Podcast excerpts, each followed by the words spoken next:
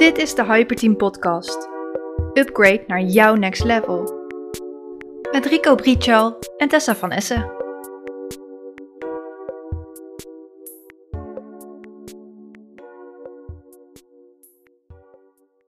Ja, zijn we weer. Yes, back again. Back again. Hey, heb jij een beetje goed herstel vandaag?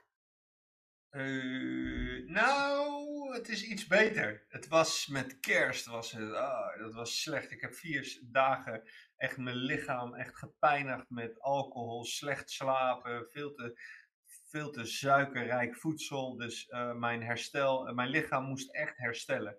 Dus mijn herstel vandaag was volgens mij ergens rond de 51%. Dus dat is op zich... Een, acceptabel, acceptabel. Ja. ja. Nou, en heel veel mensen zullen nu denken, waar hebben ze het in vredesnaam over? En dat is ook heel vaak het geval als mensen bij ons aan de lunchtafel zitten. Want dit is dagelijkse talk, hè? Waar we het met elkaar over hebben. Tot vervelend aan toe. Ja, we hebben het over de biofeedback. We gebruiken daarvoor de Whoop en dat uh, doen we onderling, maar dat doen wij ook met onze coaches. En eigenlijk is de biofeedback geeft uh, met een aantal parameters, geeft eigenlijk dagelijks weer nou ja, wat de status van je, van je lichaam is. Hè? Je hartslag. Uh, jij, zit, jij hebt een nieuwe versie al. Uh, oxygen, temperatuur. Temperatuur, een, ja. Een aantal variabelen die eigenlijk weergeven hoe het met je is. En jou ook kunnen coachen bij je trainingen op die dag. Zeker. En dat zijn wel de dingen die mij vooral hebben geholpen. Dat ik veel meer via die biofeedback leer om de signalen van mijn lichaam op waarde te schatten, om het zo maar te zeggen. Ja, het is in het begin uh, is het even wennen, hè? want uh, wat je op een gegeven moment leert is dat je misschien een hele slecht herstel hebt en uh, je biofeedback zegt van joh, ga alsjeblieft in je bed liggen en doe helemaal niks vandaag, kan je toch eigenlijk gewoon tot op best wel een hoog niveau sporten. Dus ik heb zelfs gemerkt dat mijn, als ik dat dus doe, dat ik, het lijkt alsof mijn hart train, alsof ik mijn hart train. Snap je? Dus als ik een slechtere recovery heb, als ik dan ga overtrainen, moet ik dus niet te veel doen, lijkt het alsof mijn uh, hartslagvariabiliteit omhoog gaat. Maar goed, ja, soms misschien te gedetailleerd. nou maar ja, dat... dat is het denk ik voor de meesten wel. Maar het is ja. inderdaad overreachen. Is soms uh, is dat eigenlijk even die, die, die, die, uh, die pijnprikkel toedienen, zeg maar, waar we het vorige week over gehad hebben. En, en dat overreachen, dat kan inderdaad helpen. Alleen het is, uh, om dit goed te lezen, uh, vraagt echt wel om een getraind oog. Ja, en uh, nou ja, wij, wij doen dit, of de, de topsporters die we begeleiden, die, die gebruiken hier natuurlijk ook. maak je heel erg intensief gebruik van. Ja. zeker schaatsers en andere sporters die met name met secondenwerk te maken hebben. Um, um, maar wat heeft onze coachie hier nou aan?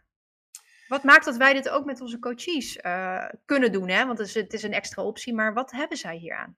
Nou, feitelijk geven we ze natuurlijk de, uh, de performance code. Hè? Dus dat is eigenlijk het DNA waaruit uh, iedere vorm van menselijk presteren ontspringt.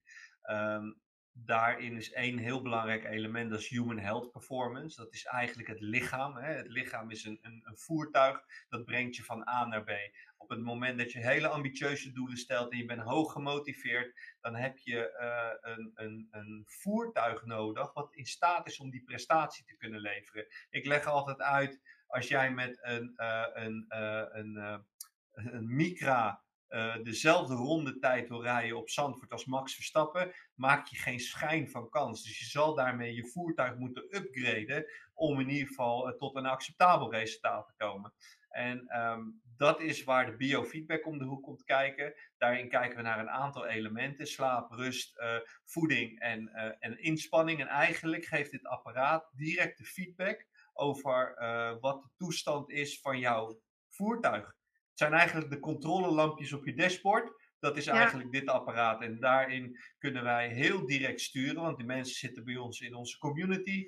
Dus we zien eigenlijk, uh, daar doen wij natuurlijk zelf ook in mee. Dus we zien dat iemand uh, bijvoorbeeld altijd een uh, recovery heeft van gemiddeld, zeg even 60%. Dus prima op zich, niks mis mee. Kan altijd hoger, maar hè, dus prima. En vervolgens zien we ineens dat iemand uit het niets naar 19% gaat en in een rode recovery zone terechtkomt, ja, dan gaan wij ons Wat is er gebeurd? Wat is er gebeurd? Ja. En 9 van de 10 keer, als je dat gesprek opent, hebben ze of te laat uh, gegeten, hebben ze of alcohol genuttigd, hebben ze een extreem stressvolle dag gehad, Of, dat is de andere kant, hebben ze een extreme zware sessie gedaan tijdens het sporten. Waar ze van moeten herstellen. Exact. Ja. Dus, uh, dus het wil niet altijd zeggen dat, dat het een opvolging is van iets slechts. Maar er is wel iets gebeurd waar je op kan reflecteren. En dat geeft mensen zoveel inzicht. Dat helpt heel erg in hun, uh, in hun groei. Ja, nou ja, en het, het geeft denk ik ook wel inzicht in het fenomeen herstel en herstellen en de waarde daarvan. Ik denk dat we steeds meer afstaven, hoe zeg je dat? Afrennen, of in ieder geval massaal toebewegen naar 24-7 werken. Uh, het eerste wat erbij inschiet is slaap, denk ik. Gezonde voeding, uh, rust überhaupt, sporten. Dat is vaak het eerste waar men op inlevert. Terwijl wil je goed presteren op welk terrein dan ook, is juist een goede recovery, waar dus herstel, slaap, uh, uh, even afturnen van, van je werk, zo belangrijk om goede resultaten te, te, neer te zetten. Misschien nog wel belangrijker dan die uren maken. Hè? De output is misschien nog wel beter dan wanneer je uren door blijft gaan. Alleen mensen vinden dat soms lastig om te doen. Waarom hebben we die biofeedback dan nodig om dat in te zien? Ik denk dat we te weinig eh, zelf eh, voelen. Hè? Dus onze, onze niet meer voelen. Nee, dat klopt. Nee, dat is het. We voelen niet meer. Ze zitten uh, hier. In de basis, als ik naar mezelf kijk, ik draag die woep ook hoor. Ik draag hem op mijn bovenarm. Jij draagt hem op je, op je pols. Uh, maar in de basis kan ik, voel ik, voordat ik de, de resultaten na de slaap, na de nacht krijg, voel ik al Waar je zit. Ja, ik weet het ongeveer wel. En ik had het van het weekend ook met kerst. Dat ik uh, tweede kerstdag werk wakker. En toen dacht ik, ik zit onder de 20%. En toen zat ik op 19% of zo. Dus dat was... En ik, en ik zie soms niet het verschil Dat is ook dat brakke gevoel na alcohol, toch? Ja. Ja, en niet alleen alcohol, hè, want uh, wat ik zeg... Uh, nee, maar ik heb het na alcohol, laat ik het zo zeggen. Ja, heel iedereen. Ja, ja. alcohol is natuurlijk gewoon vergif wat je in je lijf aan het stoppen bent je lijf heeft het, moet dat verwerken. Je ja. uh, rusthartslag gaat daardoor omhoog. Uh, je slaap lichter. Want de mensen denken met alcohol dat ze in een diepe slaap komen. Ja, je valt wel sneller in slaap, maar je kwaliteit is veel slechter. Ja. En, uh, en ik denk dat we gewoon niet meer voelen. En ook omdat we gewoon heel ver aan het afstaan zijn bij het natuurlijke mens wat wij waren. Hè? Dus slaap, rust. Kijk even naar het circadiaans ritme van een gemiddeld mens dus bioritme is dat. Uh, wij zijn al lang over die bioritmes heen, wat ons, uh, wat ons normaal bij ons past. Dat is zonsopgang, zonsondergang. Dat Ja. Dat is ja. bioritme. En dan gingen we slapen. Maar door kunstlicht, door, door, door globalisering. Ja. ja, dat is het. Hè? Dus iedereen is aan het werken. Je hebt een, een, een call midden in de nacht omdat Melbourne op dat moment wakker wordt. Dat soort dingen, ja, dat is waar dat is waar je gewoon uitdaging uh, mee gaat ervaren. En, en ja, dan moet je soms een klein beetje hulp krijgen door data te ontvangen. Die eigenlijk zegt van hé, hey, uh, nu even wat rustiger. Als je de gelegenheid hebt, pak eens bijvoorbeeld een middagdutje van een kwartiertje. Dat kan soms al je recovery echt sky high brengen de dag erna. Dus topsporters doen het allemaal alleen in het Nou ja, dat is, dat is wel interessant, want voor de meeste mensen is het niet effectief als ze het niet primair nodig hebben. Kijk, topsporters hebben, hebben meer herstel nodig, omdat ze vaak gewoon een veel hogere strain, een veel hogere belasting hebben op hun lichaam. Kijk, als je heel goed slaapt in de nacht, zou ik zeggen, pak af en toe eens, een, uh, zo'n dutje. Maar heb je, daar, heb je dat minder, zou ik het juist niet doen. Ook als je niet moe bent, kan mijn ervaring ook met, met, met slapen, en uh, dat is misschien ook hier voor de luisteraars die vaker slaapproblemen hebben, is uh, om die slaapdruk en die hormonen die je opbouwt gedurende de dag zo, zo lang mogelijk uh, op te laten bouwen, hè, melatonine op te bouwen, want dan heb je een slaapdruk en die heb je nodig om in slaap te vallen. Dus dat, dat is inderdaad wel een, een afweging om, om niet zo vaak een, een slaapdutje te doen, als je normaal gewoon uh, goed slaapt. Tenzij je natuurlijk topsporter bent en dat echt nodig hebt. Ja. Nee, op dat niveau zie je dat zij zit op de grenzen van de capaciteit van het menselijk lijf. Precies, dus zij moeten wel. Zij moeten. En dan zie je ook veel meer dat zij veel beter naar hun bioritmes luisteren. En dat een, uh, een, een procent eh, van het een of het ander meer of minder, ja, dat kan het verschil maken tussen. Weet je wie het trouwens ook moeten? Weet je wie het ook moeten? Nou. Kleine kinderen. Moeten wat? Eigenlijk ook Dutjes. Dutjes. Oh, dutjes, ja, ja. ja. nee, maar Ja. je, zo zie je maar dat, dat, dat afhankelijk van waar je in de ontwikkeling bent of wat je precies, want kinderen die ontwikkelen, die, die, dit gaat veel sneller in die eerste jaren qua ontwikkeling dan waar wij nu staan. En bij topsporters vraagt, hebben ze veel meer belasting. Dus het vraagt op een andere manier rust en herstel. En het kan ook zijn dat jouw rustbehoefte anders is dan die van mij. Zeker. En dat is wel waar het vaak misgaat. Want ik weet niet hoe het, hoe het bij jou was. Maar ik vond het eh, altijd wel saai. En nu ik het inzicht heb van... hé, hey, ik moet eigenlijk eerder naar bed. Wil ik mijn slaap halen. Maar dat is super saai. Want dit is pas de kans dat ik met Jeff op de bank zit... en kan praten hoe de dag was. ja. Ik heb net de kinderen op bed gedaan. Ik heb mijn huis opgeruimd. Nou, dan is het half negen. Terwijl ik rond een uur of negen... alweer richting mijn avondroutine moet. Nou, dan ga ik yoga doen. Ik heb wel iets langer nodig om af te bouwen. Ben best een denker, een dromer. Dus ik merk dat ik wel echt nodig heb om richting slaap te gaan. Ik heb ook wel wat slaapproblemen gehad. Dat heb ik gelukkig niet meer. Maar ik merk wel dat dat houvast eh, geeft om mijn lichaam in de juiste modus eh, te brengen. Ja, ik denk dat als je eh, eh, gewoon kijkt naar mensen in het algemeen, die, we verstoren ons eigen ritme heel erg. Hè? En Ja, eh, slaap wordt heel erg onderschat. De overgang, de transitie van wakker naar, eh, naar een slaaptoestand heeft allemaal met je hormoonhuishouding te maken. ja. Eh, eh, eh, we gaan er niet. En dus in. ook als je de stress hebt, hè, of, of er is in mijn geval eh, de link ook met corona gelegd, mijn hartslag was extreem hoog, dan zit je dus ook op een activatieniveau in je brein, in jouw chemische processen, waardoor dat slaap, slapen minder goed lukt. Want je zit in, Ja. die, in die activatie van je, van je zenuwstelsel. Nou, ik had het Maar op het moment ook. dat je heel veel stress hebt, gebeurt er hetzelfde. Dus dan Ja, slaap ik- je ook niet. Dat wilde ik zeggen. Ik had vannacht ook dan, eh, word ik om vier uur word ik wakker, even naar het toilet. En eh, terwijl ik terugloop, begint het begint meteen over. Ik denk, oh, dat moet ik nog doen en dat moet ik Ja. nog doen. En eigenlijk, eh, hè, dus er gebeurt veel zakelijk. Dus er is echt een hoofd vol met ideeën, maar ook een hoofd vol met planning en moeilijk en Ja. weet ik wat. Acuut kom je in zo'n molen terecht. En eh, zonder dat ik naar mijn biofeedback kijk, weet ik wat er aan de hand is. Mijn hartslag gaat omhoog waardoor mijn, eh, mijn eigenlijk een soort van cortisol aanmaakt. En dat is Ja. het hormoon wat je wakker maakt. En, en, en dat wil je niet. Dus dan moet ik echt op bed gaan liggen en alleen maar bezig zijn met een soort meditatieve toestand, zelfhypnose. Dan wel gewoon je ademhaling reguleren, dat je hartslag zakt. En heel langzaam voel je dan weer die transitie komen, waar Ja. er weer eh, een eh, melatonine-impuls komt, waardoor je weer wat, eh, wat makkelijker inslaapt. Maar Ja. dat kost gewoon rustig een uur natuurlijk. Ja, het is eigenlijk die sympathische naar parasympathische. Hè? Eh, Dat is altijd het de continue, continue spel tussen eh, wakker en slapen. Ja. Of rusten, laat ik het zo zeggen. Eh, maar dat, dat, is, dat is wel belangrijk als je wakker komt te liggen. Dat je bewust bent dat dat nodig is om weer terug in slaap te vallen. En, en zeg dan maar stop tegen die piekengedachtes.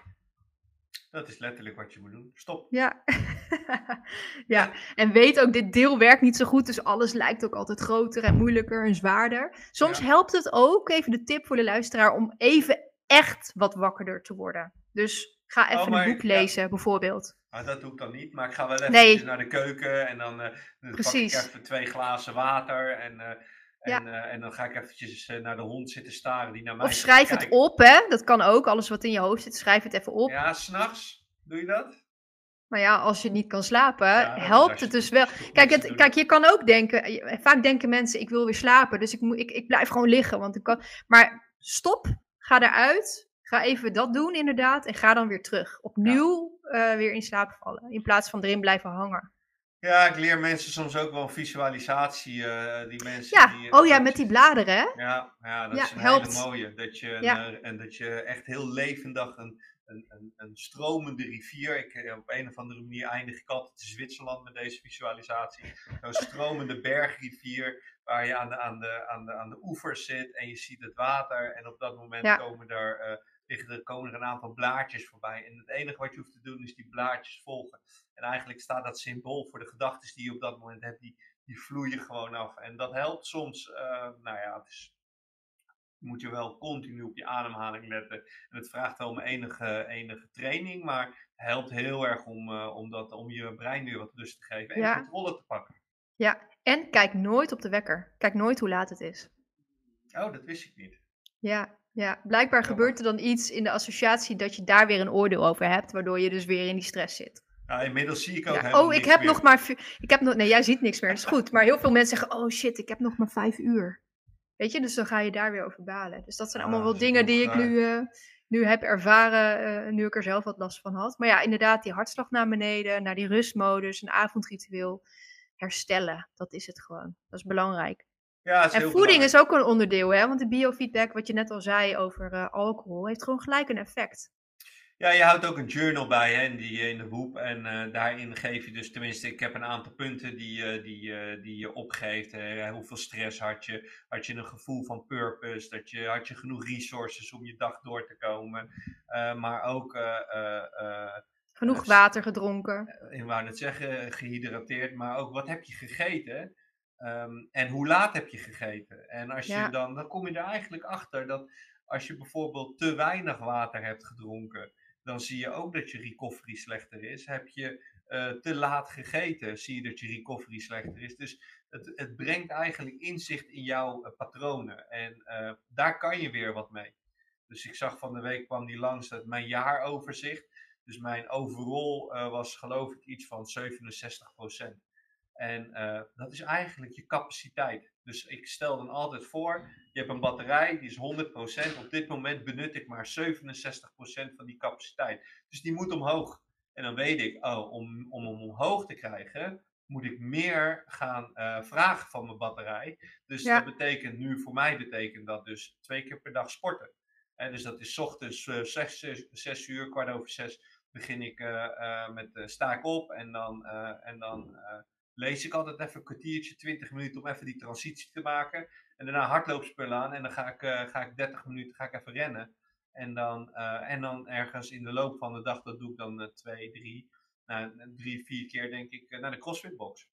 Ja, Dus dan train je ineens twee keer per dag en dat doet ook iets met je lijf. En dan weet ik, dan gaat het gebruik van die energie gaat omhoog. En dan heb ik even een periode dat mijn herstel lager is. En dan gaat mijn lichaam weer herstellen naar dat punt toe. En dan heb ik weer een klein beetje erbij gewonnen. ja, ja.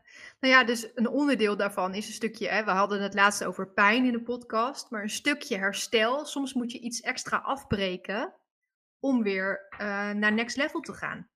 En dat is eigenlijk wat je doet. En dat is waar de biofeedback je enorm bij kan helpen als het gaat over het herkennen en actief inzetten van die signalen die je lichaam afgeeft. Ja, Ja, zeker want je waar. staat niet voor niets moe op soms, hè?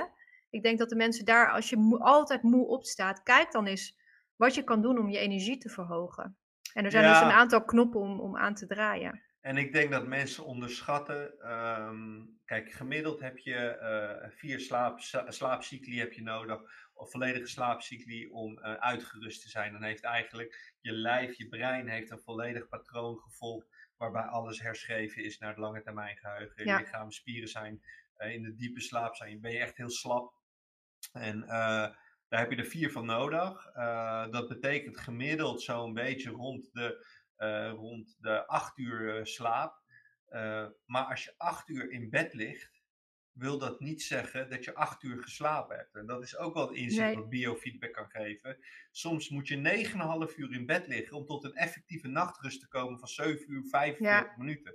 Ja, dat is gewoon. En als je dat ziet, en gelukkig geeft de, eh, de, de, de app geeft het aan. Die zegt eigenlijk van eh, je hebt eh, vannacht zoveel geslapen. Ga vanavond zo laat naar bed om in je ritme van 6 uur zo fitter op te staan. Ja, dus Ja. je krijgt gewoon die feedback. En dan is het aan jou wat je met die feedback doet. En of je. Hè, aan de ene kant zeggen we van luister ernaar, hè, want dat gaat je eh, verder brengen. Maar het moet niet leidend worden. Dat is namelijk het probleem wat heel veel mensen hebben met deze systemen. Die worden op een gegeven moment. eh, Dat zijn de Fitbit-joggers. die dus een Fitbit om hebben. En nog niet aan hun 10.000 stappen. En dan staan ze voor de televisie. Staan ze 10.000 nog, nog een 2000 stappen te maken. Dat is een verslaving geworden. En een afhankelijkheid. Ja, En dan is het niet meer supportive, maar dan is het, eh, dan is het puur en alleen maar een, een dwangmatig middel geworden. En dan werkt het niet. nee, nee, dan is het een nieuwe obsessie geworden. Ja, ja. Nee, maar dat is denk ik ook hetzelfde. Eh, Op zich het doel om fit te zijn en om te kijken naar de signalen van je lichaam. Ik denk dat dat gewoon heel erg belangrijk is. Maar het wil niet zeggen dat als je één keer een dag niet sport of een slechte recovery hebt of wat dan ook. Ja, weet je, is part of the deal. Dat is niet erg. Nee, Zeker Dus het niet. gaat ook over de betekenis en de context die je, en de waarde die je het geeft in de Ja, context. en daarom vraagt het soms ook gewoon om een getraind oog. Eh, ik heb een van die, eh, van die techneuten van de schaatsploeg die naar mijn data bijvoorbeeld kijkt. En die legt hele andere correlaties. En, en eh, die stelt mij hele andere vragen dan. Die gaat veel dieper in. En Oh, wat her- voor inzicht heb je bijvoorbeeld dan gekregen? Nou, dat gaat met name om eh, eh, hoe mijn lichaam omgaat met eh, rustperiodes. Ik heb de neiging om, eh, om eh, te pieken, de week lang, een week lang te pieken. Nee, laat ik even de 30 days aanhouden, die is veel beter. 30 dagen lang heb ik gepiekt. Cortisol hoog, 30 zware trainingen elke dag. elke dag. Ja, dat was een... een, een 30 punt- dagen lang dan, ja. Fundraising, de, de, de zwaarste workouts uit de CrossFit community, die deden wij 30, dat zijn hero workouts en wij deden 30 hero workouts achter elkaar. Tenminste, elke dag één. Eh, dat betekent dat er iets in jouw lichaam gebeurt. Eh, in je hormoonhuishouding gebeurt er heel veel. Dat was echt schokkend om te zien. Ik dacht dat ik er zo easy doorheen zou fietsen, maar je libido zakt. Je slaapt als een roos, maar je wordt moe wakker. Eh, Ja. Is niet genoeg. Nee, en wat er met name de inzichten die ik kreeg waren daarna. Dat was de, de maand daarna, zei hij tegen mij van joh, niet stoppen met trainen. Blijf doortrainen. Misschien op een ander niveau, maar blijf doortrainen. Dus dat heb ik drie weken gedaan. Dus ik heb eigenlijk eh, nog 21 dagen extra getraind. En daarna moest ik gaan afbouwen. En op het moment dat ik ging afbouwen, zei hij: Ik vind het vervelend om te zeggen, maar je gaat of ziek worden of je gaat blessures krijgen. Binnen een week was ik ziek. En binnen twee weken liep ik overal pijntjes, blessures. En dat kon hij weer terughalen uit de data en hoe mijn lichaam omging met die herstelfase, zeg maar, van, eh, van die drie weken. Van, Ja. eh, van licht, lichte exercitie. Maar je lichaam die is dus ontstekingsreacties aan het afgeven om Ja. jou echt letterlijk waarschijnlijk te stoppen.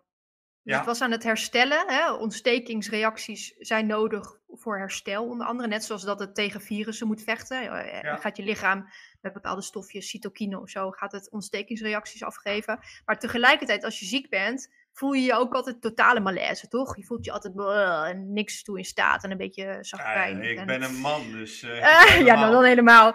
Maar het zorgt er dus letterlijk voor dat je stopt. Dus dat Ja. je echt, echt langer gevloerd wordt, omdat je niet genoeg had aan die tussentijdse herstel. Dus je lichaam vloert je gewoon. Ja, ik, vond, ik vind het een, eh, echt een reet interessant om dan de data, want er zit nog een, een ander systeem achter de WOEP. En die Ja. data, die leest hij uit, zeg maar. En Ja, Ja, ja. dat is. Ik kan Dat het kunnen eens- normale burgers niet. Nee, maar ik ook niet. Ik, ik denk dat ik er redelijk wat verstand van heb, maar dit is op een niveau dat ik. Eh, dat, eh, wetenschappelijk. bij, Daar ja. ga ik echt naar zitten kijken en ja knikken en denken: oké, ik schrijf goed mee, ik ga alles opzoeken op internet, maar ik heb geen idee wat je nu zegt. Ja, ja, precies. Maar goed, dat was te, te voorspellen. En dat zegt eigenlijk ook, hè, net zoals een marathon, eh, bepaalde activiteiten misschien te grote belasting zijn voor je lichaam, dat het uiteindelijk nooit meer in verhouding kan zijn met dat herstel en dus jou afbreekt. Ja. Wat er eigenlijk bij een marathon bijvoorbeeld ook gebeurt. En, eh, dus het is, het is te trainen. Je kan fitter worden waardoor je hogere belasting aankomt, maar er zijn bepaalde grenzen. Nou, wat voor mij heel lastig is, is ik heb eh, bijvoorbeeld een, echt een rode hartslagzone. Daar willen ze eigenlijk, mijn cardioloog wil dat ik daar wegblijf, omdat ik een, eh, Ja, ik heb een stent in mijn, in mijn lichaam zitten en te, veel, te hoge bloeddruk, te veel, te, te Pomp. hoge hartslagzone, te harde, te harde pomp zorgt ervoor dat die stent onder druk zou kunnen komen. Ja. Dus nou, dat willen we natuurlijk niet. Dus ik train eh, op hoog niveau, voor mij doen. Eh, daarmee haal ik goede scores als ik me vergelijk met, de- met de community. Eh, maar mijn strain zegt eigenlijk van ga eens bewegen joh. Dat is wat het zegt. Maar terwijl ik eigenlijk op mijn, want dat, dat ding houdt dus geen rekening met bijvoorbeeld de medische indicatie. In dit geval beweeg ik altijd in een, in een strain tussen, zeg eventjes, eh, hè, dat is dan in punten uitgedrukt, tussen 11 en, en 13 zo'n beetje. Dat is waar ik in hoor te bewegen. Maar dan train ik op, zeg even, eh, 80% van mijn kunnen. ja, Nu, in deze fase waar ik in zit, train ik op een lager niveau. Kom ik op een strain van 10 uit, zegt hij echt van je bent echt achteruit aan het gaan. Dus begin weer te bewegen. Het is heel raar hoe dat, hoe dat systeem dan eh, dat, dat systeem werkt. En hij meet gewoon rauwe data. Alleen maar ben je dan niet gewoon al met dezelfde training fitter geworden? Uh, nee, want ik doe niet dezelfde, ja, ik doe dezelfde training, maar ik beweeg bewust langzamer. Dus als ik bijvoorbeeld een uh, 5 kilometer moet lopen, waar ik hem normaal ergens rond de 24 minuten zou lopen, rond tussen 80 en 90 procent van me kunnen, loop ik hem nu uh, in 28, 29 minuten. Ja, dan soms heb ik echt het gevoel dat ik, een, dat ik, dat ik, hem, dat ik hem achteruit aan het lopen ben, zeg maar. Ja. In, je, in je hoofd is dat natuurlijk. Maar als ik echt gewoon in een langzaam tempo loop en ik ga naar 6 minuten de kilometer, dan heb ik het gevoel dat ik niks gedaan heb. Maar omdat ik langer aan het trainen ben, zegt hij dat mijn strain weer hoger is. Dus zo ben je voortdurend aan het zoeken. Ja. Wat werkt voor jou en welke. Dat kan voor iedereen anders zijn, hè? Want je hebt Zeker. meer duursporters, meer explosieve sporters.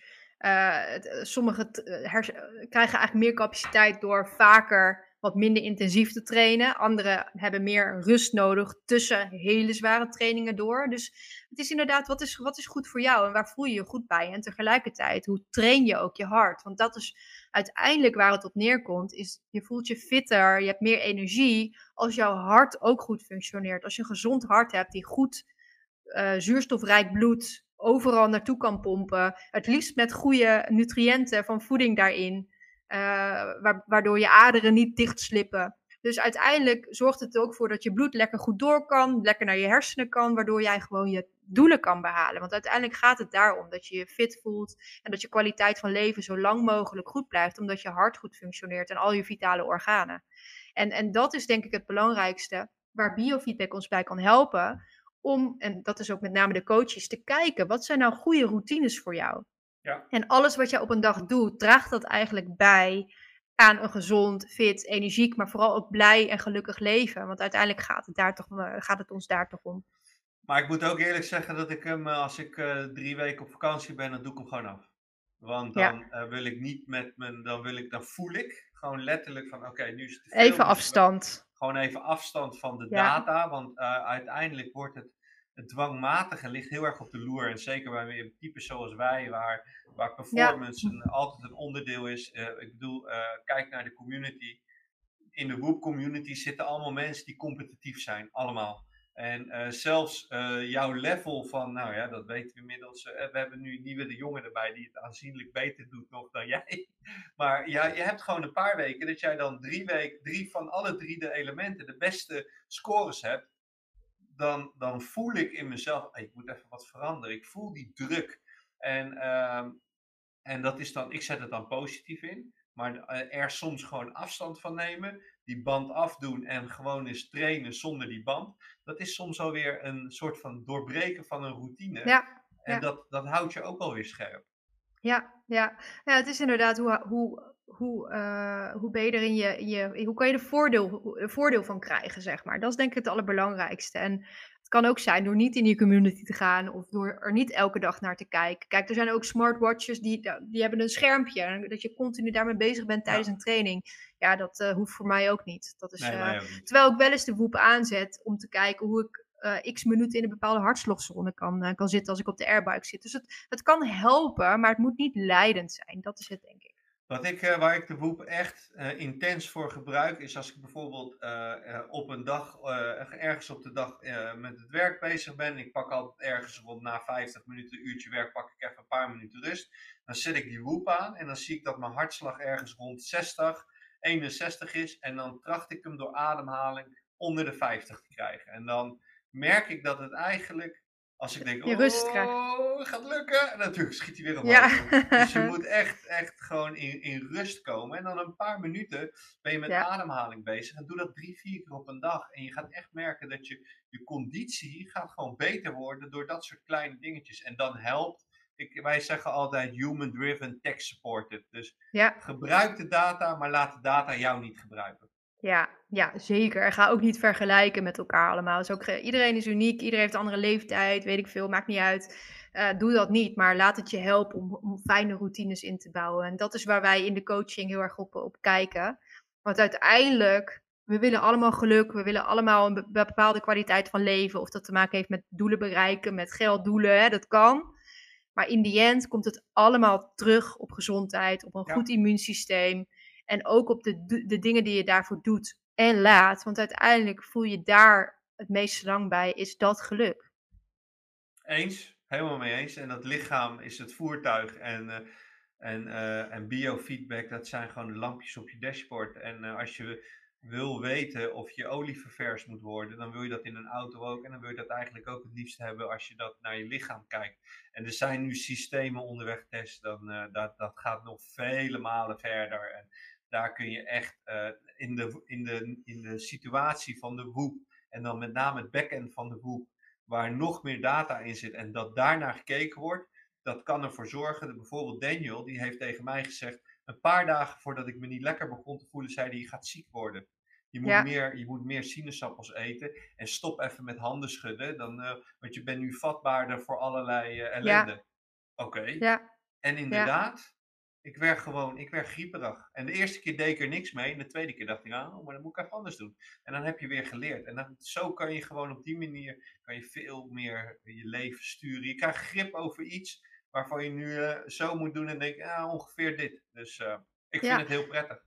Nou ja, en ik denk juist in deze tijd dat het belangrijk is dat we ook echt wel grip kunnen hebben. We hebben er geen controle over volledig, maar we hebben zeker wel het grip over onze gezondheid, immuunsysteem en ons mentale welbevinden.